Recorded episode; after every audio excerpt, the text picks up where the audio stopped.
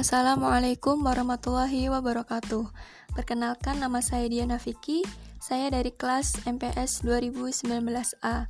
Kali ini saya ingin menjawab pertanyaan-pertanyaan dari evaluasi dan penugasan bab 1, juga evaluasi dan penugasan bab 2. Langsung saja kepada pertanyaan pertama.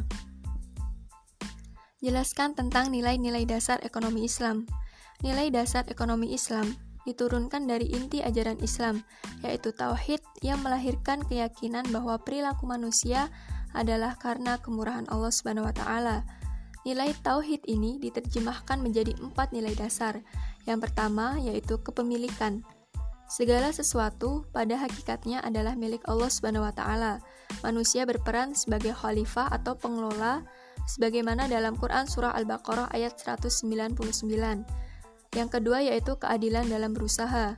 Dalam Islam, didefinisikan sebagai keadaan di mana setiap individu memiliki kesetaraan, baik dalam perolehan hak maupun penghargaan. Keadilan adalah hal paling mendasar sesuai dengan Al-Quran Surah Al-Ma'idah ayat 8. Yang ketiga yaitu kerjasama dalam kebaikan. Kegiatan ekonomi secara individu dan berjamaah semuanya didorong dalam Islam. Kompetisi dalam Islam berdasarkan kerjasama dengan semangat berlomba-lomba dalam menebarkan kebaikan, seperti dalam Al-Quran Surah Al-Baqarah ayat 148.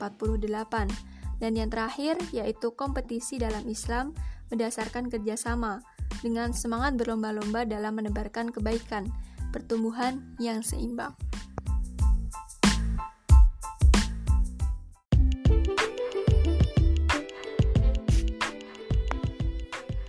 Untuk selanjutnya masuk ke pertanyaan yang kedua, yaitu jelaskan apa yang dimaksud falah.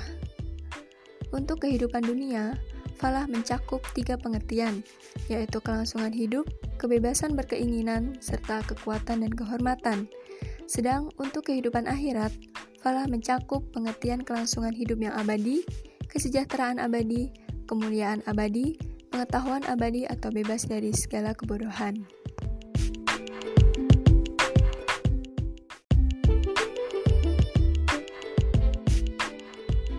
Selanjutnya masuk ke pertanyaan yang ketiga, yaitu jelaskan empat karakteristik ekonomi Islam. Karakteristik ekonomi Islam yang pertama yaitu adil. Adil dimaknai sebagai suatu keadaan bahwa terdapat keseimbangan atau proporsional di antara semua penyusun sistem perekonomian. Perlakuan terhadap individu secara setara, baik dalam kompensasi, hak hidup layak dan hak menikmati pembangunan, serta pengalokasian hak, penghargaan, dan keringanan berdasarkan kontribusi yang diberikan. Yang kedua yaitu tumbuh sepadan. Pertumbuhan ekonomi tidak harus tinggi atau cepat, namun stabil dan berkesinambungan. Eksploitasi sumber daya secara berlebihan dapat mendorong pertumbuhan ekonomi tinggi dalam jangka pendek, namun tidak berkesinambungan. Oleh karena itu, pertumbuhan ekonomi harus memperhatikan keseimbangan alam dan lingkungan serta keberlanjutan pembangunan antar generasi. Yang ketiga yaitu bermoral.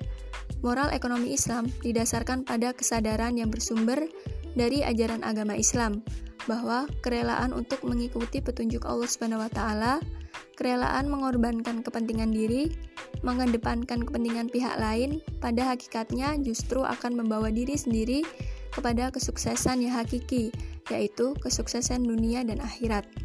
Dan yang terakhir yaitu beradab, yaitu perekonomian yang menjunjung tinggi nilai-nilai luhur bangsa seperti tradisi dan budaya yang diwariskan oleh nenek moyang selama tidak bertentangan dengan moralitas Islam.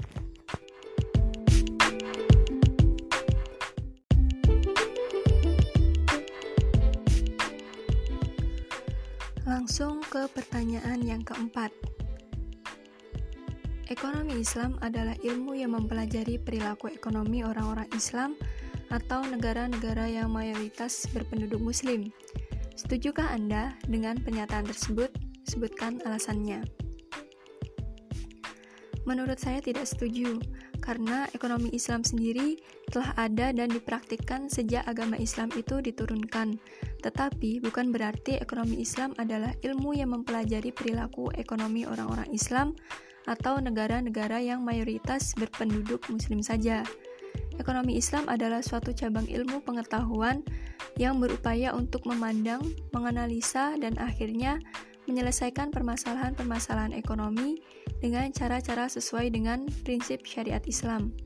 Jadi, ekonomi Islam menurut saya yaitu ilmu yang mampu menyelesaikan permasalahan-permasalahan ekonomi dengan cara-cara yang sesuai dengan syariat Islam.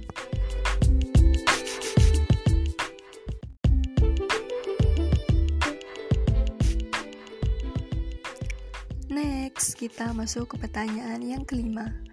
Mengapa ekonomi Islam belum dipraktikkan oleh seluruh umat Islam? Adakah syarat atau ketentuan mengenai kriteria karakter orang atau pelaku-pelaku ekonomi dalam sistem ekonomi Islam? Nah, tiga sistem ekonomi di dunia, kapitalis, sosialis, dan mix ekonomi, dianggap tidak berhasil karena mempunyai kelemahan dan kekurangan masing-masing yang lebih besar daripada kelebihannya, sehingga menyebabkan munculnya pemikiran baru tentang sistem ekonomi di kalangan negara-negara yang mayoritas penduduknya beragama untuk mewujudkan suatu sistem ekonomi berlandaskan Al-Quran dan hadis, yakni sistem ekonomi syariah.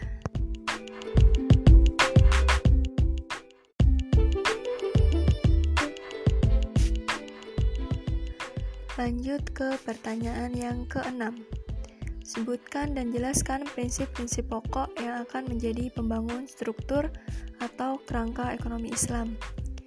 Jadi ada enam. Yang pertama, pengendalian harta individu agar mengalir menuju investasi. Yang kedua, distribusi pendapatan untuk menjamin inklusivitas seluruh masyarakat. Yang ketiga, optimalisasi investasi atau jual beli dan berbagi resiko, no riba. Yang keempat yaitu transaksi keuangan terkait erat sektoril, melarang spekulasi tidak produktif, no maisir. Yang kelima, partisipasi sosial untuk kepentingan publik. Dan yang terakhir, transaksi muamalah berdasarkan kerjasama berkeadilan, transparan, tidak membahayakan keselamatan, tidak zolim, dan tidak mengandung zat haram.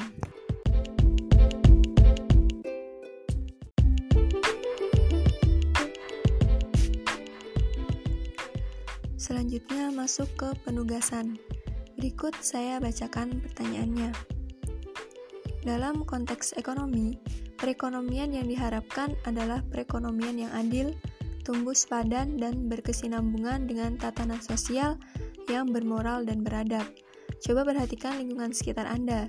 Dari keempat hal yang telah disebutkan, kegiatan ekonomi apa yang mencirikan masing-masing jati diri ekonomi Islam? Jelaskan. Jadi di lingkungan saya adanya lembaga keuangan yang biasa disebut BMT atau Baitul Mal wa Tamwil di mana lembaga tersebut melakukan berbagai jenis transaksi sesuai dengan aturan dan tatanan yang sudah disyariatkan oleh Islam. Selain itu, terdapat juga lembaga keuangan yang bernama Solo Peduli. Sejatinya tidak jauh berbeda dengan BMT tersebut, di mana lembaga itu juga mementingkan kehidupan masyarakat, seperti halnya memberikan bantuan bagi korban yang terkena dampak bencana.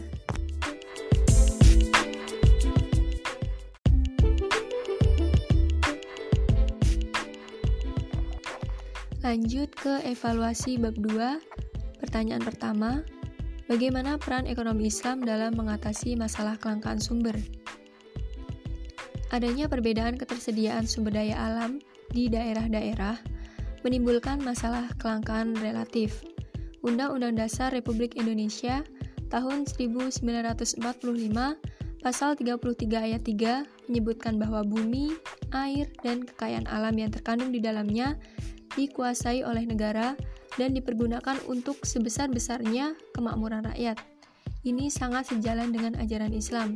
Sebagaimana disebutkan dalam sebuah hadis dalam kitab Bulughul Maram dari salah seorang sahabat radhiyallahu anhu ia berkata, "Saya berperang bersama Nabi Shallallahu alaihi wasallam, lalu aku mendengar beliau bersabda, manusia adalah serikat dalam tiga hal, dalam padang rumput, air, dan api."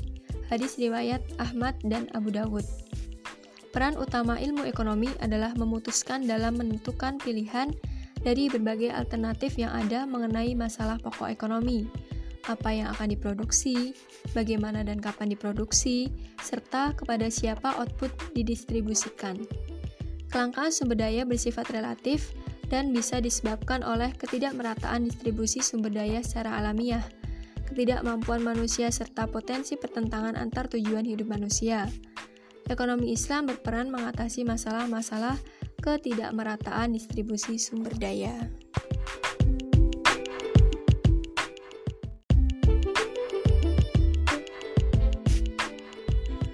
Selanjutnya masuk ke pertanyaan yang ketiga. Sebutkan empat unsur pokok yang menjadi pembeda antara suatu sistem ekonomi Islam dengan sistem ekonomi lainnya, yaitu yang pertama, hak kepemilikan.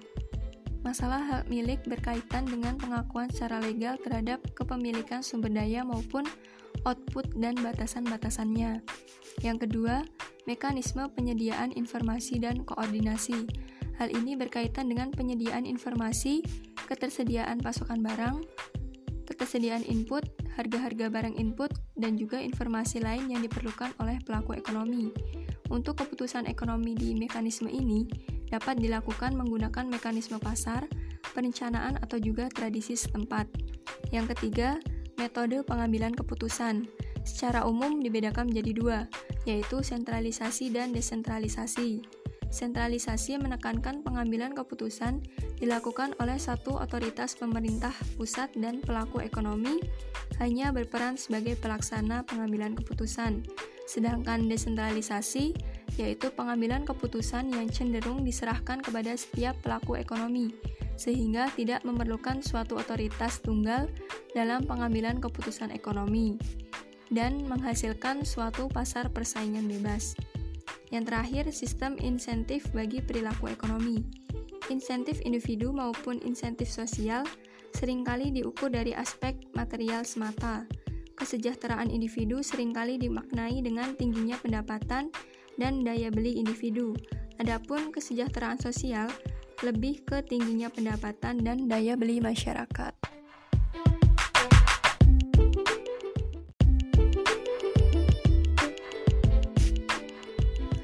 Selanjutnya masuk ke pertanyaan yang kedua.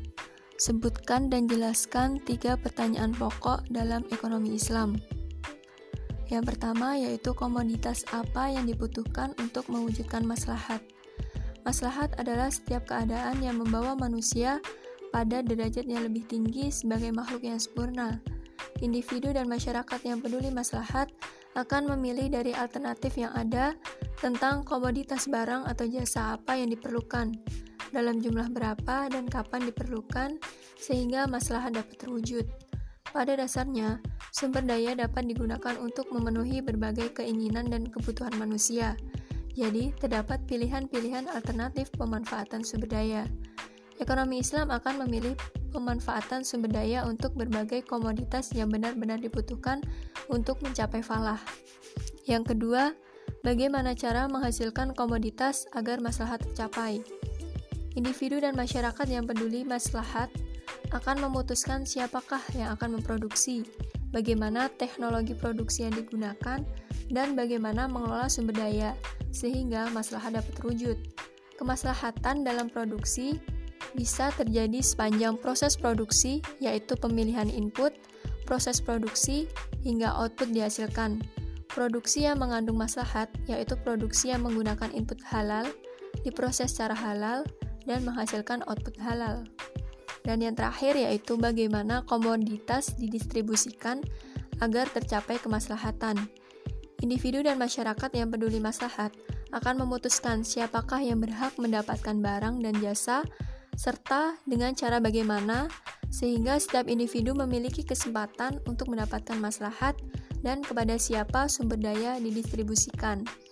Nilai utama dalam distribusi komoditi yang sesuai Islam adalah keadilan dan menolong atau takaful, di mana sumber daya serta barang atau jasa didistribusikan kepada individu secara adil melalui mekanisme pasar ataupun metode kebajikan atau takaful, misalnya tidak menimbun barang, tidak mengurangi timbangan, sehingga setiap individu dapat merasakan kemaslahatan dari komoditas yang diproduksi. Distribusi dalam ekonomi Islam melalui mekanisme non-pasar, di antaranya adalah penerapan sistem warisan, wasiat, hadiah, sedekah, pajak, dan wakaf.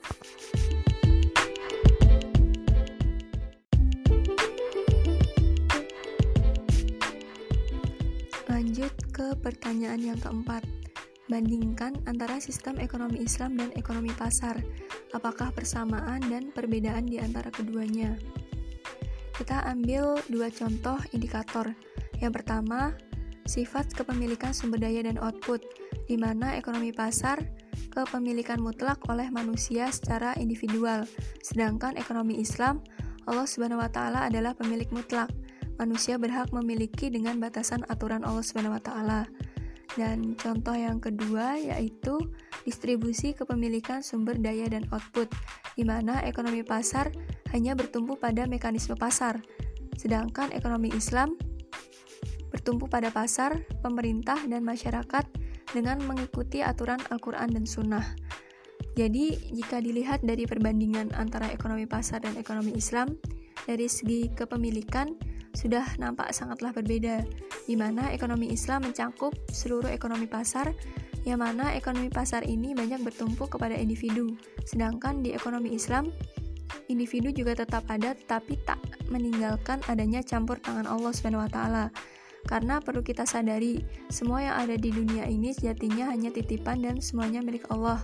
Jadi selain kita mempertanggungjawabkan semua hal untuk diri kita pribadi, juga kita harus mempertanggungjawabkannya kepada Allah. Jadi bisa disimpulkan bahwa hadirnya ekonomi Islam ini untuk menyempurnakan semua hal yang sudah ditetapkan ataupun dijalankan sebelumnya.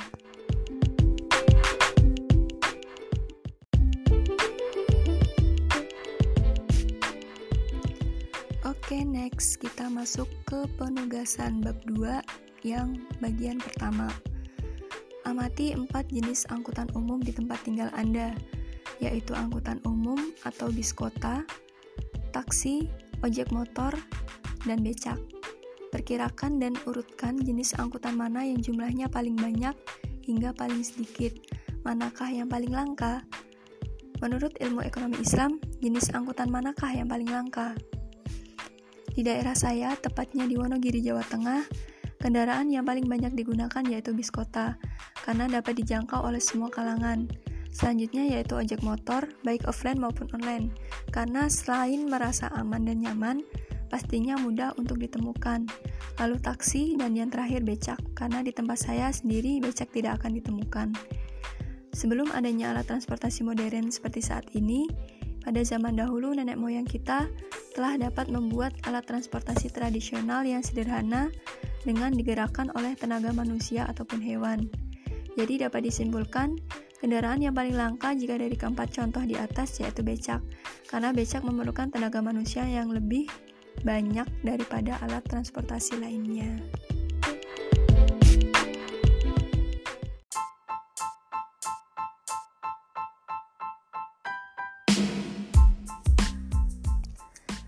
Dan yang terakhir, Lakukan pengamatan di tempat tinggal kalian tentang fasilitas-fasilitas umum yang tersedia dan siapakah yang menyediakan fasilitas tersebut. Sebutkan apakah individu, umum, dan negara tertentu atau gabungan dari ketiganya.